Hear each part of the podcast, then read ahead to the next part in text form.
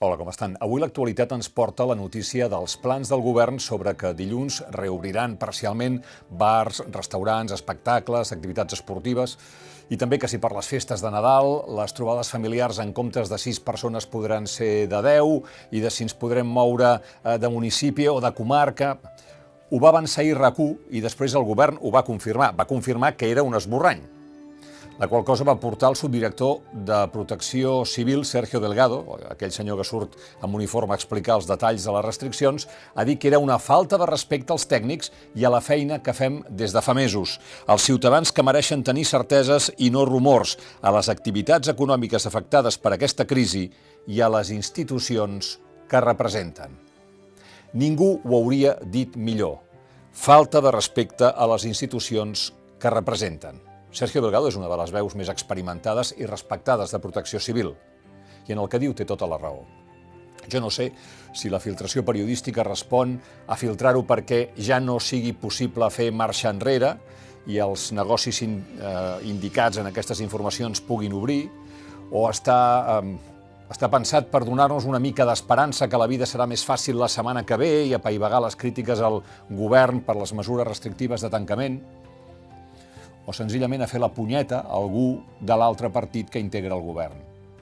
Però torna a ser un moviment lamentable d'algú que té accés a informació sensible. Només faltava saber aquest matí, ho han explicat al programa del CUNY, que Esquerra ha abandonat les reunions per decidir les mesures Covid fins que parin les filtracions sobre el pla de desescalada i hi hagi ho han dit així, un pacte de lleialtat. De fet, minuts més tard, a l'ara hem explicat que Esquerra ha abandonat el comitè de crisi del govern sobre les mesures anticovid a causa de les filtracions i que el vicepresident aragonès ha afirmat que són una falta de respecte i insta els mitjans a no publicar-ho.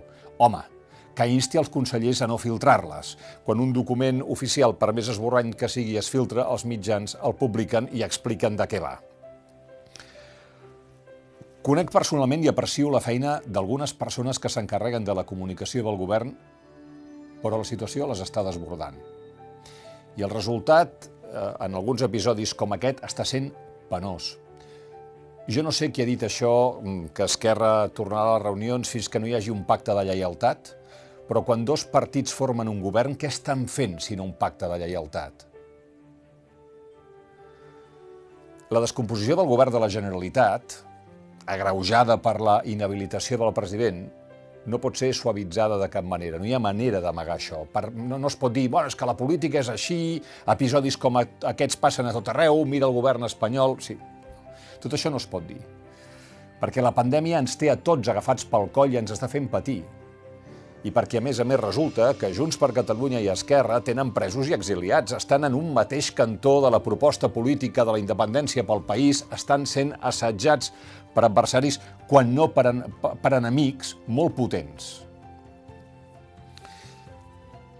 L'Estat els té enfilats i es dediquen a autodestruir-se en públic? Ja s'ho trobaran al febrer. El nostre reconeixement pels que treballen a primera línia, un record pels que pateixen, pels presos polítics, pels exiliats, i que tinguem un bon dia.